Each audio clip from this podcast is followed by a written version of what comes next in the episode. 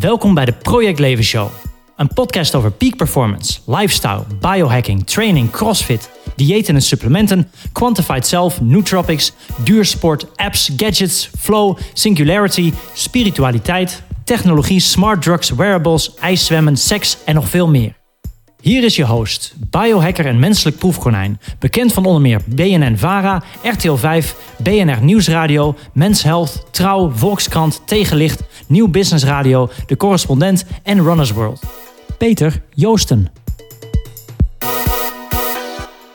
In deze aflevering praat ik met Ernst-Jan Fout. En Ernst-Jan Fout is, het is niet heel Nederlands om het te zeggen, maar hij is een van mijn helden. Hij heeft een boek geschreven over bloggen. En dat heeft mij er mede toe aangezet om uh, te gaan starten met uh, Project Leven, alweer echt een tijdje geleden.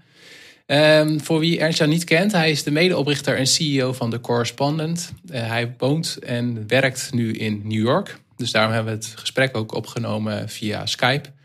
En we hadden eigenlijk, of ik had eigenlijk wat technische problemen. Daarom is deze podcastaflevering wat korter dan je van mij gewend bent. Dus we hadden zeg maar een uur maar ik was eerst een kwartier bezig om. Uh, ik nam het eigenlijk met een ander programmaatje op, maar dat, uh, dat lukte niet. Dus daarom is deze totale gesprek iets van 40 minuten. Maar zoals Ernst-Jan op het einde ook zegt, hadden we nog wel voor, nou, voor vijf uur langer kunnen praten. Want we delen een heleboel interesses. Die jij denk ik ook wel heel interessant vindt. Dus het gaat over beter presteren. In relatie tot tevredenheid en, en dankbaarheid. Waar hij ook een boek over heeft geschreven. We gaan het hebben over online media, zoals bloggen en podcasten. We gaan het hebben over nieuwe technologie. Zij vertelt over de Amazon Echo. We gaan nog praten over wat hij nu in New York doet en hoe het leven daar is. Uh, en we gaan het hebben over persoonlijke financiën. Uh, klinkt heel saai, maar luister naar dit gesprek en dan kom je erachter uh, hoe dat zit. En wat ook heel leuk is, is eigenlijk dat Ernst-Jan deze podcast op een bijzondere plek heeft opgenomen. En dat hoor je op het einde van, helemaal op het einde van dit gesprek. Maar ook als je naar de show notes gaat, en die kun je vinden op projectleven.nl slash ernst-jan-fout. Daar heb ik een eh, Instagram bericht geëmbed, uh, waarin je eigenlijk, uh, en dat is op de feed van Ernst Jan, waarin je de plek kan zien waar hij deze podcast heeft opgenomen. Uh, en verder zal ik daar niks over zeggen. En mijn huishoudelijke mededeling voor deze keer is: ga naar biohackingboek.nl. Ja, de site is online. En op biohackingboek.nl vind je meer informatie over het uh, boek. Dat ik, uh, nou, ik heb nu, ben nu gesprekken aan het uh, voeren met, met de drukker en de uitgever. Maar de zogenaamde First City Draft is af. En al afspraken gemaakt met de fotograaf en de vormgever. Dus dat loopt allemaal. En ehm, ik mik erop dat hij over een paar maanden echt helemaal af is. En jij kan het biohackingboek als eerste krijgen en met korting. En je kan nog in aanmerking komen, um, de eerste uh, 25 bestellers krijgen ook een uitnodiging voor de boeklancering. En als je pre-ordert, dan um, hou ik je ook op de hoogte van de vorderingen. Gewoon één keer per maand. Het is geen spam. Het zijn allemaal voordelen als je nu naar biohackingboek.nl gaat om, uh, om uh, het boek te pre-orderen. Je kan het e-book pre-orderen, het gewone boek en een combinatie. Dat is helemaal een mooie deal. Um, en dat ga ik ook in de komende podcast ga ik dat elke week roepen. Dus uh, wees alvast uh, voorbereid. En wil je de volgende aflevering niet met een schuldgevoel zitten, maar denk van hé, hey, ik heb het boek eigenlijk al gepreorderd. Ga dan nu naar biohackingboek.nl. En uh, nou, het is nu weer tijd om de inhoud in te gaan. Hier is mijn podcast met Ernst-Jan Fout, die ik echt super leuk vond. Here we go. Vandaag in de Project Leven Show te gast Ernst-Jan Fout. Ernst-Jan, wie ben jij? Um, ik, uh, ik ben 31, 32 jaar, net 32 geworden. Ik woon uh, in New York en ik ben de uitgever uh, en medeoprichter van De Correspondent. En waarover ben je gepassioneerd, maar dat mensen dat eigenlijk niet van jou weten? Dat ze het niet van me weten. Goh, ik ben altijd heel erg um, open over wat mij heel erg interesseert. Dus ik, uh, ik deel altijd eigenlijk meteen alles wat ik interessant vind. Uh, zoals het een oud blogger uh, betaamt. Maar ik denk dat mensen niet weten dat ik heel erg gepassioneerd ben over restaurants. Ik vind, Restaurant? Ja, niet alleen erheen gaan, maar ook hoe, het, hoe, die, ja, hoe die organisaties werken. Wat daar belangrijk is. Ik ben bijvoorbeeld nu een boek aan het lezen van Danny Meyer. Dat is de bekendste restaurateur van New York. Die heeft hier uh, heeft onder andere het beste, wat op dit moment het beste restaurant ter wereld is uh, opgericht, Eleven Madison Square. En ehm, ik vind het gewoon super interessant om te lezen over hoe, hoe gastvrijheid bijvoorbeeld werkt. Uh, hoe, je, hoe, je, hoe je die teams leidt. Uh, hoe je een, een reputatie opbouwt. En heel veel daarvan kan, kan, ik ook weer gebruiken voor mijn eigen werk. Maar uh, ja, een restaurant vind ik echt heel interessant. Ja, want jij hebt een hele interessante carrière, vind ik. Hoe, um, hoe heb jij je ontwikkeld tot waar je nu bent? Dus de, de correspondent, toch? Aan het opzetten, uitbreiden, onderzoeken in, ja. in Amerika. Ik ben ooit begonnen als, uh, als blogger. Eigenlijk een beetje tegen mijn zin in. Want ik wilde gewoon bij een krant werken. Ik kom uit een familie van journalisten. En ik, nou, zolang als ik me kan herinneren, was ik al met, met kranten bezig, met journalistiek. Dus toen ik in 2006 te horen kreeg dat ik stage kon lopen bij een persbureau in de Verenigde Naties in New York. Tijdens mijn studie communicatiewetenschap. Toen dacht ik meteen van nou, dit is het moment om, uh, om in de journalistiek te beginnen. In de Nederlandse, Nederlandse journalistiek ook. Dus ik begon uh, allerlei krantenmailtjes te sturen, waaronder NRC Next, wat toen mijn favoriete krant was. En ik vroeg hen, hebben jullie een, nog een extra journalist nodig in New York, in de, op de, in de Verenigde Naties notabene. En ik kreeg heel snel mailtje terug, in een, binnen een half uur al. waarin ze zeiden, nee, vriendelijk bedankt, we hebben al een correspondent. En ja, ga nog maar even zelf ja, ga nog maar even oefenen voordat je je weer meldt. En um, zo ging het bij heel veel kranten. Dus toen op een gegeven moment dacht ik, weet je wat, ik begin gewoon mijn eigen soort van krant. Ik begin een, um, een blog. En dat was uh, dus in 2006, dat, en toen waren, was het een beetje de hoogtijdagen van blogs. En ik, er waren er natuurlijk al duizenden, dus ik begon een uh, blog die noemde ik Spotlight Effect. Dat is een theorie uit sociale psychologie, dat je je eigen zichtbaarheid overschat. Dat vond ik wel een toepasselijke naam. En ik begon daar gewoon te schrijven over hoe ik journalist wilde worden en wie ik erover kon spreken. En ik ging bijvoorbeeld alle correspondenten hier interviewen. Uh, toen ik terug in Nederland was, ging ik mensen als Matthijs van Nieuwekerk of Rick van de Westerlaken of de hoofdredacteur van NRC Next interviewen. En zo werd dat, ging ik dat eigenlijk steeds leuker vinden. En uh, toen kwam ik op een keer ergens op een, uh, volgens mij ondernemersdag of zo, Boris Veldhuis van Zanten tegen. de, de, een van de oprichters van de Next Web. Dat was toen nog alleen een conferentie en hij zei... Um, wil je niet voor ons komen werken? En toen ben ik voor hen de Next Web blog begonnen. En dat beviel zo goed dat ik ben gestopt met mijn studie. En dat fulltime mee gaan doen. En na twee jaar bloggen belde NRC Next mij met de vraag of ik misschien toch voor ze wilde komen werken om een, om een blog te beginnen. Nou, dat anderhalf jaar gedaan. Toen ben ik chef internet geworden van NRC Handelsblad en NRC Next. En daarna, uh, nou, tegelijkertijd eigenlijk zo'n positie gekregen met, uh, met Rob Wijnberg. Toen de hoofdredacteur van NRC Next. Wij waren allebei super jong. Hij 27, ik 24. En we moesten ja, leiding geven aan, aan, aan nieuwe teams. dus dat schepte dan nogal een band. En toen hij ontslagen werd bij NRC Next, ben ik met hem meegegaan. En ontstond de correspondent. Dat is alweer vijf jaar geleden.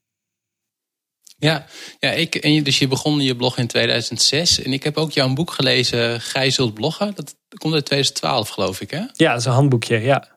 Ja, en dat is wel, ja, dat kan ik ook wel delen. Dat heeft mij wel overgehaald om ook met, mijn, uh, met een blog te beginnen. Oh.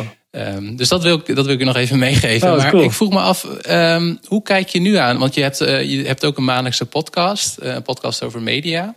Ja. Dus ik, ik pak ze allebei tegelijk. Hoe kijk je nu aan tegen uh, ja, online content? Of het nou bloggen, podcasten of video's maken is?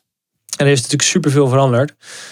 Uh, sinds ik ermee begon. Ik bedoel, toen, uh, toen, toen ik ermee begon, was net Twitter, denk ik. Uh, net, is Twitter net opgericht of zo. En dat was nog helemaal niet, niet groot. En dat was nog best wel. Als je traffic voor je site wilde, dan, dan moest je deals met andere bloggers sluiten en elkaar linken en zo. Dat is een hele andere tijd.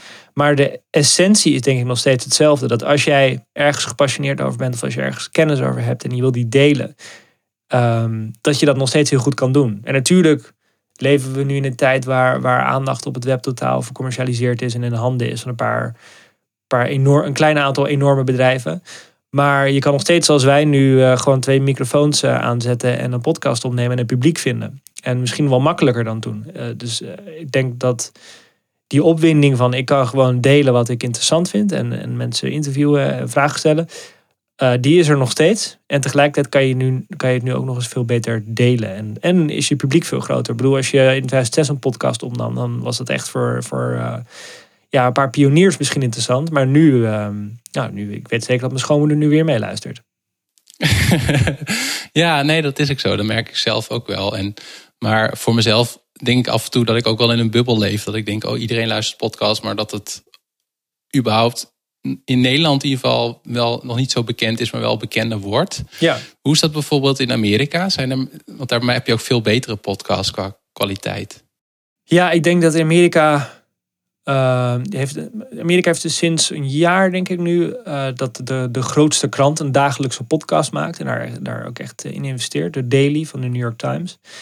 En uh, dat heeft hier samen met, die, die, met This American Life, wat natuurlijk een hele beroemde podcast is, eigenlijk de, eerste grote publieke podcast. En daarna Serial, die voor, volgens mij voor het eerste miljoen luisteraars had. En daarna S-Town en nu dus de Daily heeft ervoor gezorgd dat, um, dat in Amerika heel veel media nu groot inzetten op podcast. En volgens mij zie je dat in Nederland nu ook. Hè, Radio 1 heeft het aangekondigd afgelopen maand dat ze een dagelijkse podcast gaan beginnen. BNR ook.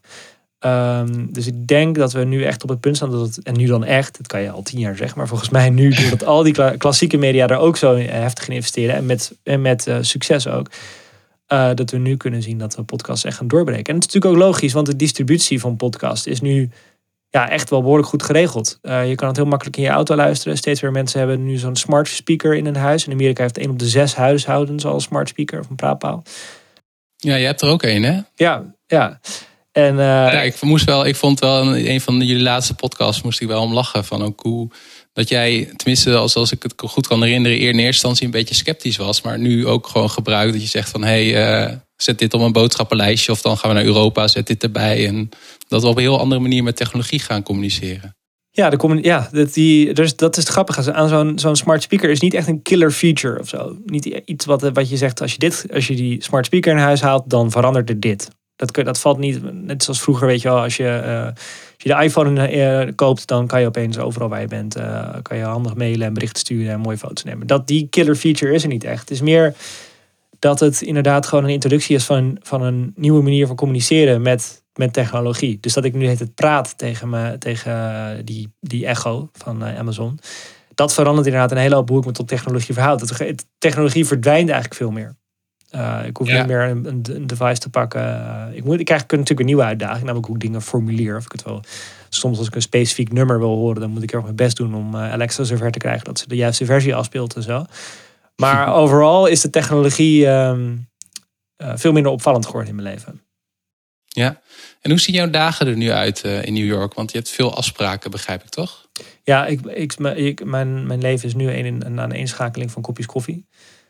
Uh, om, uh, omdat we, uh, Rob en ik hier eigenlijk vooral nu een netwerk moeten opbouwen. En in dat netwerk dan een hoofdredacteur en een campagnedirecteur en ambassadeurs moeten vinden. En dat laatste, dat zijn dan mensen die onze journalistiek gaan, gaan, gaan promoten eigenlijk. Dus daar zijn we nu heel erg mee bezig. En mijn dagen, die, we, hebben een klein, we hebben een kantoortje, twee bureaus in een, best wel mooi kantoor. dat we mogen voor een mooi prijsje mogen huren van een bevriende stichting in Manhattan. ik woon in Williamsburg. Er gaat een uh, trein rechtstreeks, een, een metro rechtstreeks naar, uh, naar dat kantoor. Dus ik, zit, uh, twint, of ik sta 20 minuutjes in de metro, want het is super druk. En um, dan, dan kom ik op dat kantoortje aan en vanuit daar neem ik even de dag door met Rob. Ik vaak eerst nog een conference call met Nederland. En dan daarna gaan we, gaan we de stad in en die afspraken aflopen. Ja, en uh, ik probeer een beetje een bruggetje te maken. Hoe, uh, hoe dankbaar ben je nu in het leven wat je, wat je hebt? Super soepel bruggetje. Ja, ja, ja. Uh, ja, ik, nee, ik ben, ik ben uh, kijk, het is een jongensdroom om in, in Amerika te proberen een medium op te richten. Dus daar ben ik heel dankbaar voor dat we dat nu kunnen gaan doen. Ik ben heel wat dankbaar dat mijn gezin, nou ja, mijn zoon is twee, dus heeft niet echt door, maar dat mijn vrouw mee wilde naar New York om deze droom mogelijk te maken. En dat we die kans krijgen ook van de mensen die het nu financieren, dat, wij, dat we hier zitten. Dus daar ben ik heel dankbaar voor. Tegelijkertijd is het ook best wel uitdagend natuurlijk om hier naartoe te verhuizen. En uh, het is echt een stuk minder comfortabele maatschappij dan, uh, dan Nederland. dus het leven is hier wat harder en zo. En dan is het wel goed. dan is het fijn dat ik elke dag wel kan afsluiten met. met, met ik schrijf het elke avond aan het einde van de dag op waar ik dankbaar voor ben. Om te kijken naar alle dingen die ik wel heb. Want ja, ik heb ook best wel genoeg dingen om hierover te klagen. Maar daar probeer ik niet op te letten. Ja, want voor in 2017 heb je het boek Het Dankboek geschreven. Wat was daar de reden voor? Ja, ik probeer zelf de term gemaakt te gebruiken. Dus ik heb niet echt een boek geschreven. Tenminste, ik heb een boek gemaakt waarvan, um, nou wat zal het zijn? 50 pagina's beschreven zijn en dan 180 onbeschreven. Het is eigenlijk een, uh, een dankbaarheidsdagboek, een gratitude journal. En uh, ik ben ertoe gekomen omdat ik, um, nou, net als jij, uh, heel erg geïnteresseerd ben in hoe je jezelf kunt verbeteren. En daarom begon ik een paar jaar geleden voor de correspondent een, serie over, over zelfhulpboeken. Die boeken zijn natuurlijk ontzettend populair. Ik lees ze zelf graag. Ze staan altijd bovenaan de bestsellerlijsten. Maar er zijn weinig serieuze kritieken van. Het is altijd of van die schalkse stukjes in kranten. Van kijk nou, de gek boeken naar verschenen is. Ik heb het geprobeerd, het werkt niet, you. Maar niet echt, in, echt niet, niet, niet meer um, ja, recensies van mensen die uh, zich echt interesseren in de theorieën erachter. En, in, en ook echt die wens en het geloof hebben dat je dingen aan je eigen leven kunt veranderen. Uh, in ieder geval dingen die je onder, zelf onder controle hebt. Uh, dus ik begon met die serie. En ik merkte eigenlijk, door die serie las ik natuurlijk enorm veel van die boeken in korte tijd. En ik merkte dat ik een soort snelkookpan werd. Dat ik al de een naar de andere les tot me nam. En eigenlijk op een gegeven moment alleen maar gericht was op wat er beter kon aan mijn leven. En helemaal niet meer keek naar wat ik al had. Uh, ook, ik genoot ook niet van de dag zelf. Ik was alleen maar bezig met wat ga ik morgen beter doen. En tegelijkertijd, uh, die, die dingen die in die boeken staan over hoe je productiever kunt werken en zo, effectiever kunt werken, die, die werken ook echt. Dus ik kreeg veel meer werk gedaan in kortere tijd. Maar in plaats van dat ik de tijd die vrij kwam besteden aan uitrusten of uh, aan vrienden of familie, ging ik alleen maar meer werken. Uh, waardoor ik dus eigenlijk door die twee oorzaken, dus alleen maar die, die zucht naar verbetering en dat keiharde werken, een soort oververmoeide productiviteits, uh, of een ontevreden productiviteitsmachine werd. En um, uh, dus toen dacht ik van, um, toen, toen, dacht ik, hoe komt dat nou? Uh, en ik ging, ik, het, wat, wat mij eigenlijk opviel is op een gegeven moment dat ik door van in al die wetenschappelijk onderbouwde zelfboeken die ik lees, is worden dezelfde bronnen aangehaald. En eigenlijk kun je wel zeggen dat wij mensen weten waar we gelukkig worden. Als ik een lijstje opnoem van dingen die ons voldoening geven. Uh, bijvoorbeeld tijd doorbrengen met dierbaren, anderen helpen, in een flow raken. Je richten op het werk zelf, daar voldoening uit halen en niet uit de eventuele beloning die erop volgt. Dan zit er daar denk ik nu niet. Ik denk niet dat er nu iemand zit te luisteren en denkt van oh wauw, er zit een verrassing tussen. Klinkt als een rijtje open deuren. Dus ik realiseerde me dat de uitdaging niet zozeer zit in het opschrijven waar je gelukkig wordt, maar meer manieren vinden om jezelf eraan te herinneren waar je gelukkig van wordt. Dus daarom heb ik een dankboek gemaakt, omdat um, ik dus denk dat je dagelijkse rituelen nodig hebt om je te herinneren aan dat wat je belangrijk vindt in het leven. Wat heel paradoxaal klinkt, want als je het belangrijk vindt in je leven, waarom denk je er dan niet elke dag aan? Maar ik vermoed dat dat komt omdat we altijd te horen krijgen, of het nou in media of in reclames of op sociale media is, dat we succesvoller moeten worden, dat we uh, afgetrainer moeten worden, dat we, nou, enzovoort, enzovoort. Um, dus ik dacht, ik moet dus, er, moet, we moeten een soort dagelijkse rituelen, rituelen komen dat je jezelf herinnert aan die dingen die je echt gelukkig maken. En in de wetenschap is er één ritueel dat, dat uh, uh, ja, aantoonbaar wordt al, al 15 jaar, wordt het onderzoek herhaald, werkt. En dat is opschrijven waar je dankbaar voor bent. Regelmatig opschrijven waar je dankbaar voor bent. Dus ik dacht, oké, ik ga het zelf proberen. Heb ik een half jaar gedaan. Ik ervoerde er enorm, ja, het werd voor mij echt een heel positief ritueel. En het hielp me ook me te richten op dat wat ik belangrijk vind in het leven. Dus toen heb ik daar een mooi boek van gemaakt. Dat er nog niet echt een goed Nederlands gratitude journal was. Uh, ik bedoel, dat we niet eens een Nederlandse term voor hebben, zegt genoeg. of hadden, nu natuurlijk wel. Ja, nu wel. En er waren, of er waren van die edities met bloemetjes, of juist heel zweverig. Of, of er was een, er is één populaire Amerikaanse editie die ik de tijd heb uitgeprobeerd, de Five Minute Journal. Ja, misschien wel gehoord. Moet je twee keer per dag opschrijven waar je dankbaar voor bent. Uh, in totaal elf items uh, moet je invullen. En niet alleen maar dankbaarheid, maar ook wat je wil verbeteren en zo. En nou, dat was echt veel te veel. En daardoor werd het een soort routineklusje voor me. Dus ik dacht, ik ga gewoon heel simpel dankboek uitbrengen met drie dingen per dag. Waar je ook bij moet schrijven waarom je er dankbaar voor bent. Want dat wordt in al die oorspronkelijke onderzoeken gedaan, maar in veel gratitude journals niet. En um, Monkai, uh, een creatief, creatief bureau, heeft daar, heeft daar een prachtig boek van gemaakt. En uh, dat, dat is nu een soort parel op, op uh, een hele hoop nachtkastjes. En um, helpt mensen daaraan te herinneren om dankbaar te zijn voor wat ze al hebben. Ja, er zijn wel twee dingen die je net vertelt die mij ook wel bekend voorkomen. Want ik ben ook heel, soms te veel bezig met een soort van overmatige productiviteit inderdaad. En toen ik ook achter het principe van dankbaarheid kwam, begon ik ook met het uh, s ochtends op drie dingen opschrijven waar ik dankbaar voor ben. Maar op een gegeven moment werd dat ook een soort van taak. En stond ik er niet bij stil, maar wou ik gewoon die taak zo snel mogelijk gedaan hebben. En, uh -huh. en nu heb ik mezelf ook voorgenomen elke dag drie nieuwe dingen eigenlijk te bedenken. Dan moet ik er echt bewust bij stilstaan eigenlijk. Ja, ja, inderdaad. Het werkt alleen als je nieuwe gevoelens van dankbaarheid ervaart. Dus als je, hoe fijn het ook is, eh, stel dat je, dat je, eh, dat je kerngezond bent, hoe fijn dat ook is. Als je dat elke dag opschrijft, uh, dan ervaar je het inderdaad niet meer. Dan wordt het een routine ding. Dus daarom adviseer ik in, dat, in die inleiding van mijn dankboek ook dat je echt zo specifiek mogelijk moet zijn en nieuwe dingen moet opschrijven. En ook echt na moet denken over waarom het je gelukkig maakt. En dan wordt het, dan wordt het echt een proces waar je die, waardoor je nieuwe gevoelens van dankbaarheid ervaart. En waardoor je er dus tevredener en optimistischer van wordt. Ja, en denk je dat die focus op, op, op presteren, op die prestatiemaatschappij, om de beste versie van, van jezelf te worden, dat dat een ontwikkeling is die zich gaat doorzetten de komende jaren? Dus dat, dat je daarom ook van dat soort tools als het dankboek daarvoor nodig hebt als een soort van tegenwicht of medicijn? Nou, ik weet, kijk, dat mensen zichzelf willen verbeteren, dat is inherent aan mens zijn, denk ik. En ik, wil, ik heb nog steeds dingen die ik aan mezelf wil verbeteren. Uh, ik wil dat mijn, weet ik, veel, ik wil dat mijn Engels beter wordt. Ik wil dat, uh, dat ik een betere manager word enzovoort. En dat zijn ook denk ik goede dingen om na te streven. Alleen het gaat erom waarom je die dingen nastreeft. Dus ik wil een betere manager worden omdat ik dan dat dat beter is voor de mensen die, uh, waarmee ik werk. Dat die we beter weten waar ze aan toe zijn, meer, beter kunnen worden in hun werk, meer plezier kunnen krijgen in hun werk en niet uh, overspannen raken of zo. Um, en ik denk dat het dus dat de zelfbeter niet een probleem is, maar waar je het voor aanwendt. En waar we nu in leven, een maatschappij waar, waar heel erg die zelfbetering wordt aangewend, zodat we effectievere werknemers worden. Eigenlijk effectievere, meer, of meer, meer, voor meer productiviteit zorgen ten koste van onszelf. En uh, eigenlijk is daar, maar één, is daar maar één iets bij gediend, dat is de markt. En worden wij allemaal een soort van ja, productiviteitsmachientjes die die markt moeten stimuleren. Dus ik probeer met dit dankboek mensen op te richten van kijk nou naar de, naar, kijk naar de mensen om je heen, kijk naar je dierbaren, richt, daar, richt je daarop. Um, wees dankbaar dat zij er zijn en, en um, richt je niet zozeer op het verhogen van je, van je succes of je productiviteit, maar kijk meer naar waar, waar haal je voldoening uit? Wat doe je graag? Wat voeg je graag toe? En hoe, hoe kun je anderen helpen? En dat is meer het tegengeluid dat ik probeer eh, te brengen met het dankboek. Ja, en in die reeks van uh, die je voor de correspondent hebt gemaakt, of, of ja, het is nu nog steeds een, uh, een hobby van je. Wat vind je eigenlijk de beste boeken op het gebied van persoonlijke ontwikkeling en zelfhulp? Ik vind Flow een heel goed boek. Die van de, met de moeilijke achternaam? Ja, Michael Csikszentmihalyi.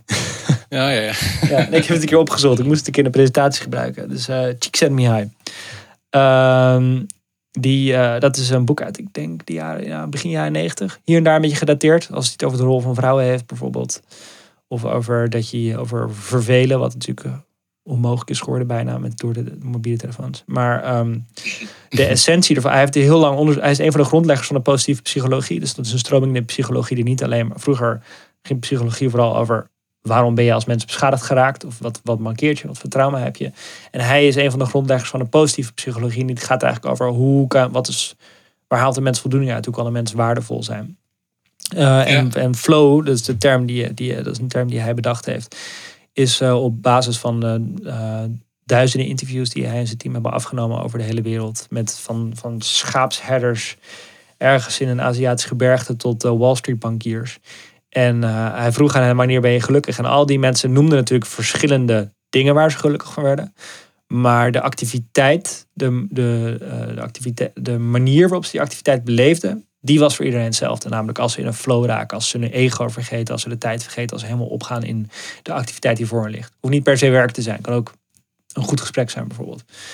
Nou, dat is voor mij echt een standaard werk. Um, omdat het, en daar, daar probeer ik ook uh, echt naar te leven. Omdat flow, in een flow raken klinkt heel lekker, maar het kost moeite om in een flow te raken. En ik denk dat een van de grootste uitdagingen die ik nu persoonlijk heb, is telkens mezelf, mezelf over die drempel heen krijgen en in een flow komen. Of het nou op mijn werk is, dat ik niet op mijn werk aankom.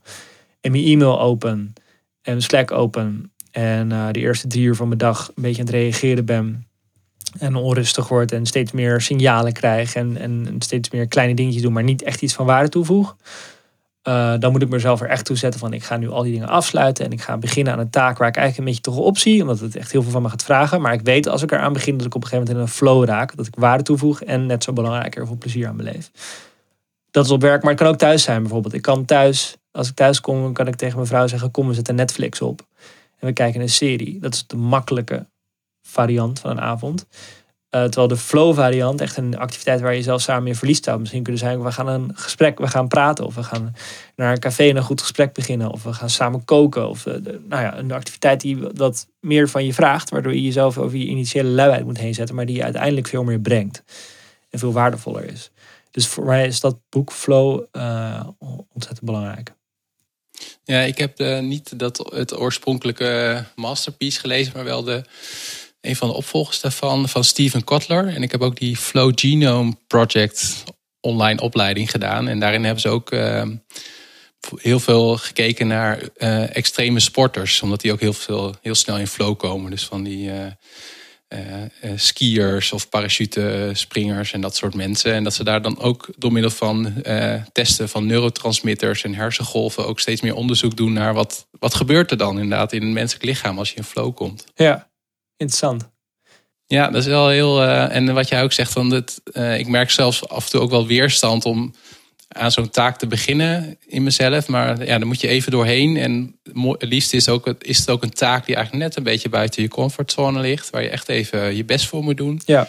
Dan heb ik inderdaad ook de mogelijkheid om zelf ook in, in flow te komen. Ja, ik moet vaak denken aan een citaat van Hemingway. Uh, dat is natuurlijk een citaten koning. Er zijn volgens mij samen met Mark Twain voert hij de citatenranglijst aan.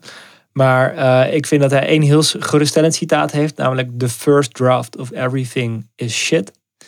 En um, want uh, in het proces van in de flow komen betekent stel dat ik iets moet schrijven, als dat ik een artikel ga schrijven, dan is die eerste versie ook altijd shit. Ik bedoel, er zit, de zinnen zijn niet goed, uh, er zit nog niet een goede lijn in, er zit nog uh, heel veel ruis in. En ik zie, voor, ik zie dat de tekst die verschijnt niet goed is nog. En dan zou ik kunnen stoppen van, uh, fuck het gaat vandaag niet lukken, ik probeer het morgen wel een keer. Maar dat is onzin, want het gaat, het gaat nooit in één keer goed op, op misschien die 1 op 10 keer uh, dat, je, uh, dat je, of 1 op de 1 keer in de 10 jaar dat je opeens een soort ingeving krijgt of zo. Maar verder is het altijd eerst een moment van, van worsteling. Um, en door, als ik aan die quote denk van Hemingway van the first draft is always shit. Dan denk ik, ja, het is ook slecht, maar ik ga door. En op een gegeven moment ga ik in die flow raken. En dan ga ik daarna ga ik het weer opnieuw editen. En dan, dan wordt het wel goed. En kun je in je werk met al je afspraken veel koffie drinken, ook in flow komen? Of probeer je dan echt ochtends ook aan je stukken te werken en dan meer de middag voor dat soort afspraken te plannen? Nou, je hebt natuurlijk fases in je werk. En nu, ik zit nu in een fase in mijn werk die inderdaad niet, niet zozeer, uh, die niet zo snel associëren met stilte en terugtrekken en, en aan, aan, een, um, aan een artikel werken of aan een groot plan. Maar zoals vandaag moet ik wel, uh, na het gesprek willen, moet ik aan, aan een plan werken. Uh, omdat, het, omdat het nodig is vanuit de correspondent. En dan, dan ga ik er wel heel bewust al die. Ik heb de hele dag al voor geblokt. En ik ga niet meer mijn e-mail checken. En dat heb ik dan voor dit gesprek gedaan, zodat ik er niet meer, na, aan, niet, niet meer zo over na hoef te denken. En dan weet ik, ik ga naar mijn kantoor, ik open die laptop en dan begin ik gewoon met dit plan. En dus die, die duidelijkheid creëren in mijn agenda helpt heel erg. Maar uh, ik weet ook dat de rest van de maand waarschijnlijk geen flowmomenten meer gaat kennen. In die zin dat ik niet meer zo'n plan ga schrijven. Omdat ik gewoon heel veel afspraken moet maken. En natuurlijk kan ik tijdens zulke gesprekken af en toe een flow komen met iemand. En uh, ik heb hier ontzettend inspirerende ontmoetingen waar ik me helemaal in zo'n gesprek kan verliezen. Maar ja, je hebt volgens mij in je werk gewoon verschillende fases. Nu weer de net zoals met een boek. Je schrijft een boek, dan ben je enorm in de flow, ben je maanden mee bezig, dan publiceert en dan heb je heel veel ruis om dat boek onder de aandacht te krijgen. Nou, daar, daar, volgens mij moet je daar gewoon maar neerleggen. Ja. En um, naast uh, zeg maar online media, bloggen en podcasten en, en persoonlijke ontwikkeling is volgens mij nog een ander ja, iets waar jij heel erg in geïnteresseerd bent, als ik, als ik het goed heb. Dat is persoonlijke financiën. Klopt dat ook?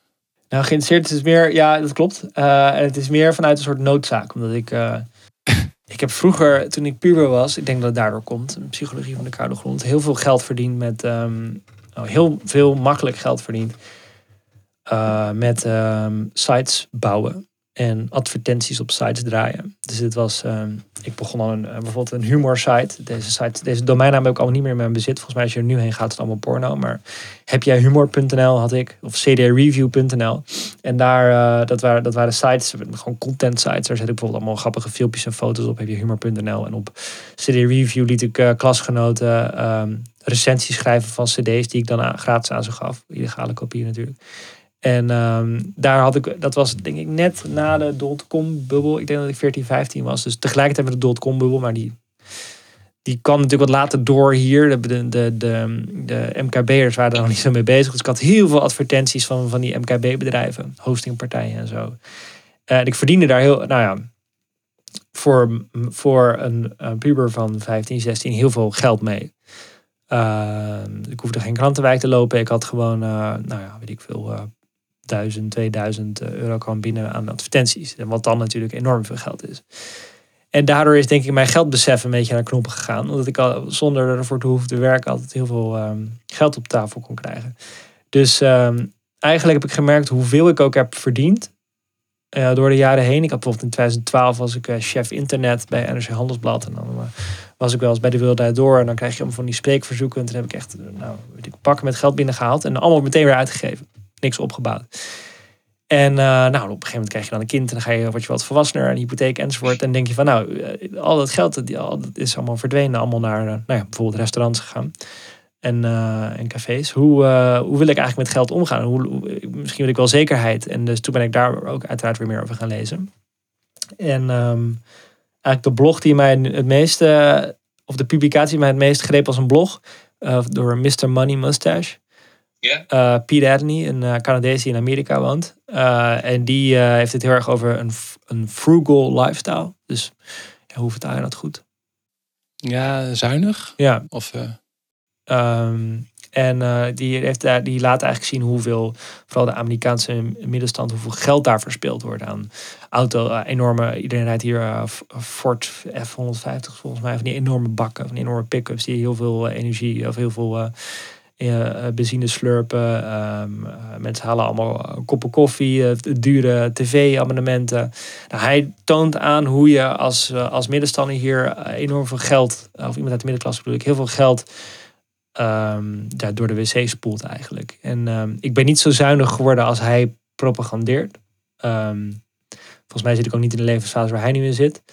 Uh, maar ik ben wel veel beter gaan nadenken over waar wil ik eigenlijk mijn geld aan, uitgeven. En, hoe ga ik iets opbouwen. En ik vond sparen altijd een, een suf iets. Misschien past dat ook wel bij mijn leeftijd, dat ook wel bij mijn leeftijd. Maar iets wat, ja, waarom zou ik het sparen als ik het nu kan uitgeven? Misschien ben ik morgen dood, weet je wel, die, dat sentiment. Terwijl nu zie ik sparen juist als iets heel krachtigs. Dat je, dat je, dat je nou, een soort iets, iets opbouwt. Een soort veiligheid creëert. Maar ook um, um, ja, veel meer interessante dingen kan doen. Een keer kan investeren in een bedrijf, in een bedrijf of zo. Of een keer die reis kan maken waar je altijd van droomde. Of ooit een keer zo'n jaar niet werken omdat je dat geld op de bank hebt staan.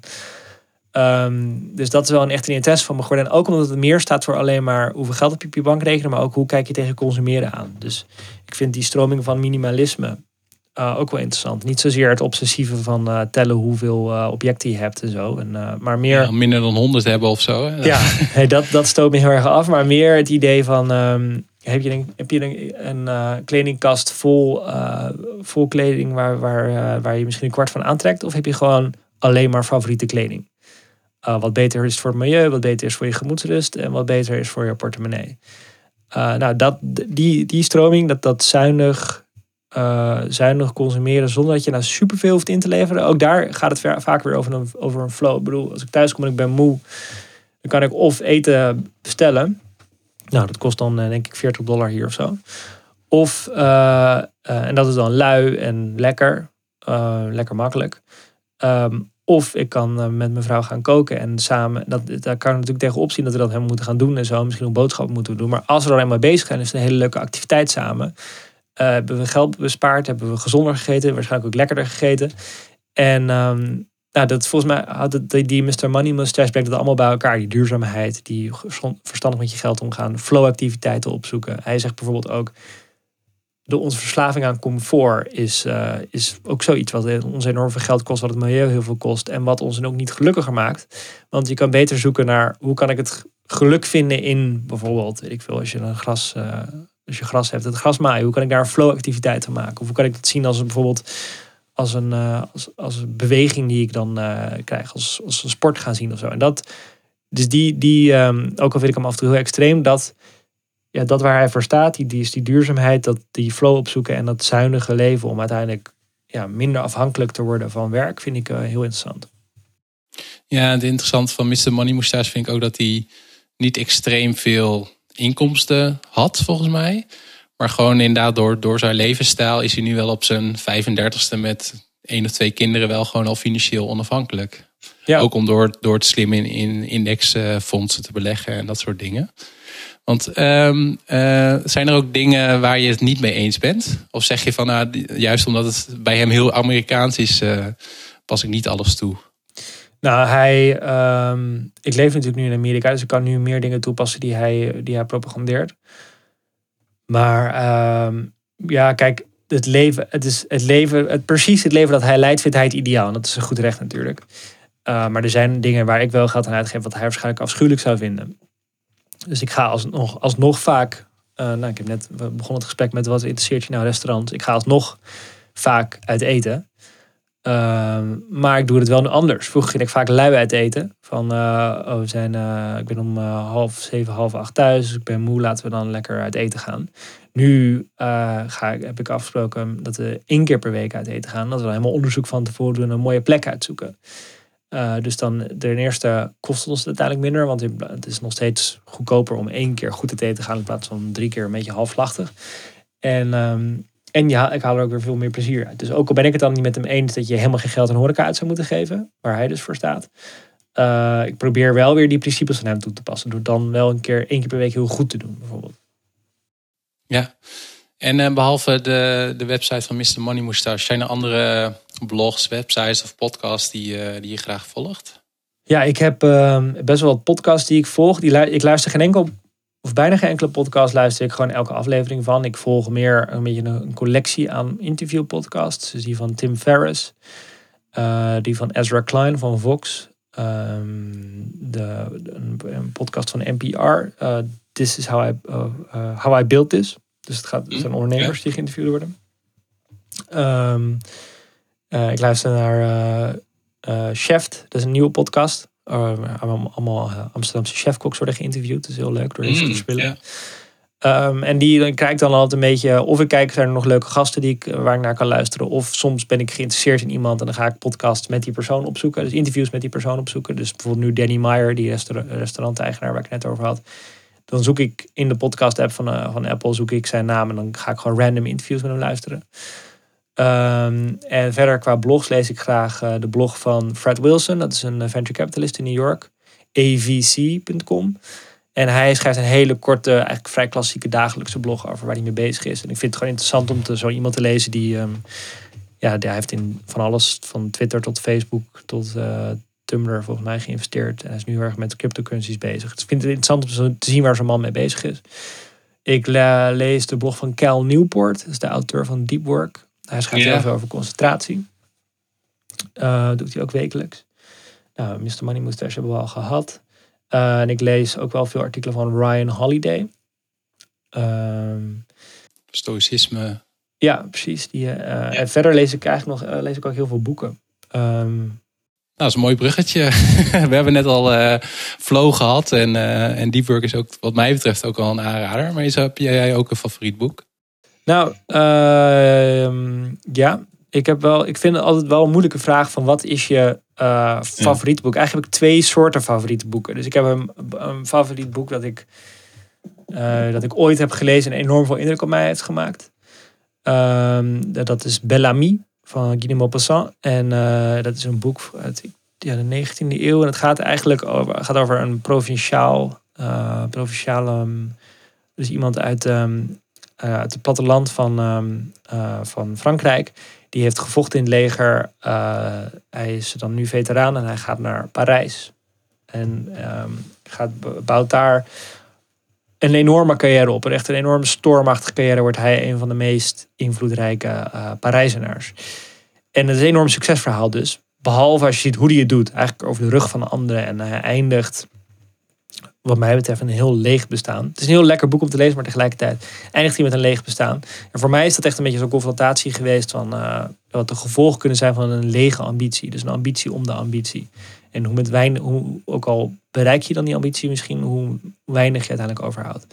Dus het is tegelijkertijd een lekker boek en een waarschuwing. Um, en een ander soort favoriete boek is wat ik een boek dat ik net gelezen heb en enorm veel indruk op mij heeft gemaakt. Dus dat, dat varieert veel meer. En um, als ik dat nu moet zeggen, dan denk ik Homegoing uh, Nederlands uitgekomen als Weg naar Huis van Yagiyashi. Um, en dat is een Amerikaanse auteur. En volgens mij haar roots liggen of ze is geboren in Ghana of de ouders zijn in Ghana geboren. In ieder geval schrijft ze een soort episch, episch familieverhaal over twee familielijnen die is door, door, de, door de eeuwen heen volgt. twee halfzussen worden geboren in, in Ghana in de 18e eeuw. Eentje trouwt met een, uh, of wordt uitgehuwelijkt, uh, met een uh, Britse commandant.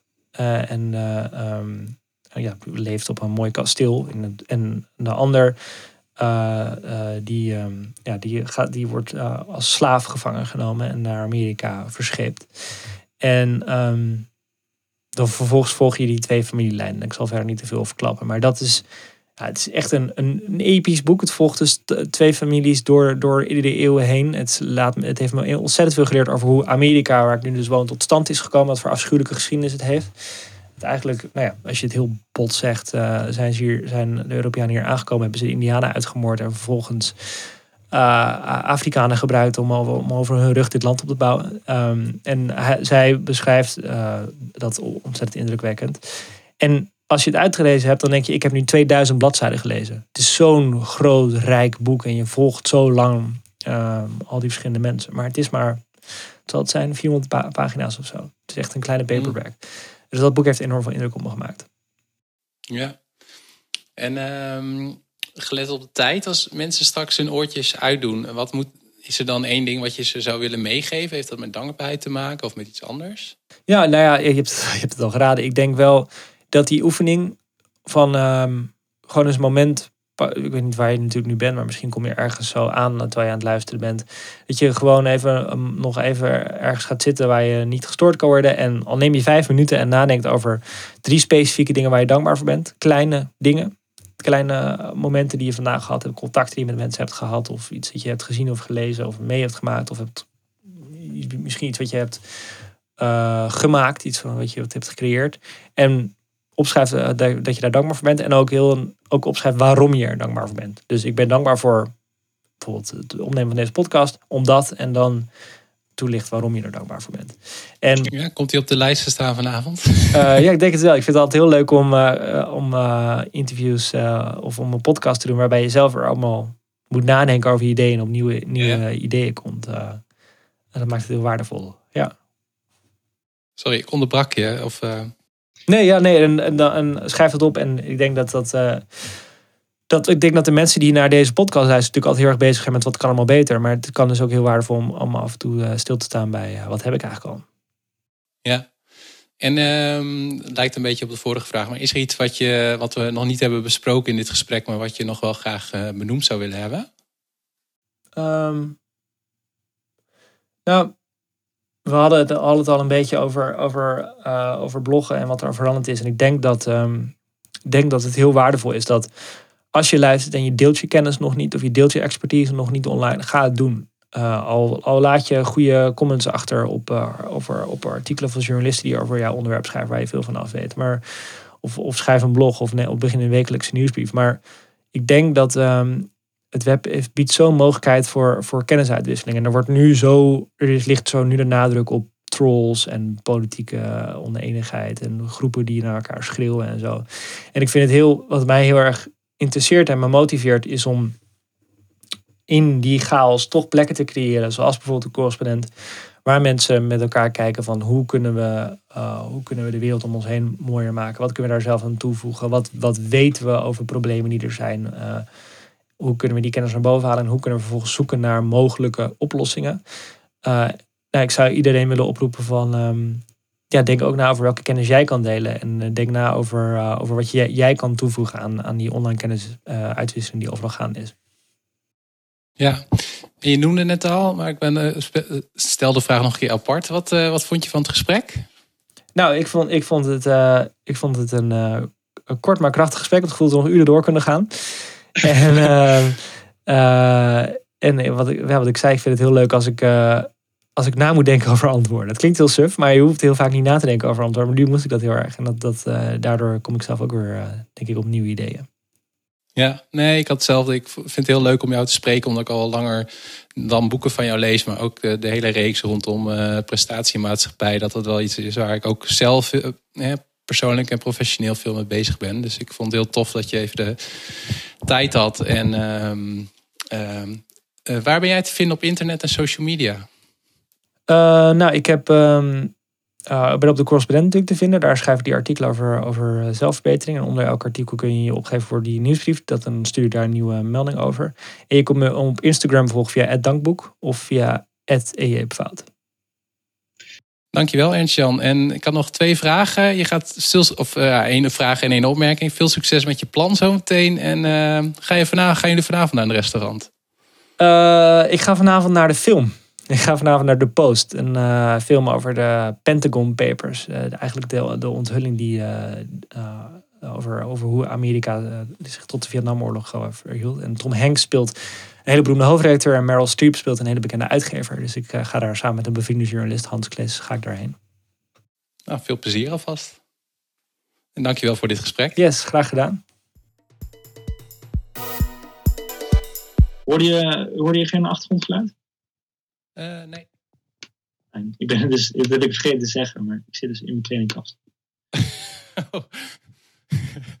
Mooie foto's hier ervan. Oh, leuk. Ja, vind je het goed als ik dat in de intro zeg? Vind ik wel grappig. Ja, natuurlijk. Ja, je hebt hier van die, in Amerika heb je van die closets, weet je wel. Zo'n kast die, uh, die um, niet een kast die je gewoon in je kamer zet, maar gewoon een soort klein kamertje wat je kast is. Dus daar ja, pas ik. Ja. En ik woon naast een bouwplaats. Dus, uh, ik had een podcast opgenomen vorige week en die was mislukt. Omdat de hele tijd een graafmachine doorheen zat te piepen. Dus daarom ben ik in deze kast zitten. Ja, precies. Nou ja, nee, ik had er geen, uh, geen last van. Dus uh, volgens mij is het allemaal goed doorgekomen. Mooi. Bedankt voor het luisteren naar de Project Leven Show. Vergeet je niet te abonneren op deze podcast. Wat ik leuk vind is als je een review of beoordeling achterlaat op iTunes. Ga naar projectleven.nl om op de hoogte te blijven van de podcast, de persoonlijke experimenten, vlogs en video's die ik maak en de meetups die ik organiseer. Je kan je daar ook abonneren op mijn nieuwsbrief en een gratis cheat sheet downloaden. Ga naar peterjoost.net als je meer wil weten over mijn advieswerk, lezingen, workshops en presentaties die ik geef. Ga naar patreon.com slash projectleven om te laten zien dat je een supporter bent van de Project Leven Show.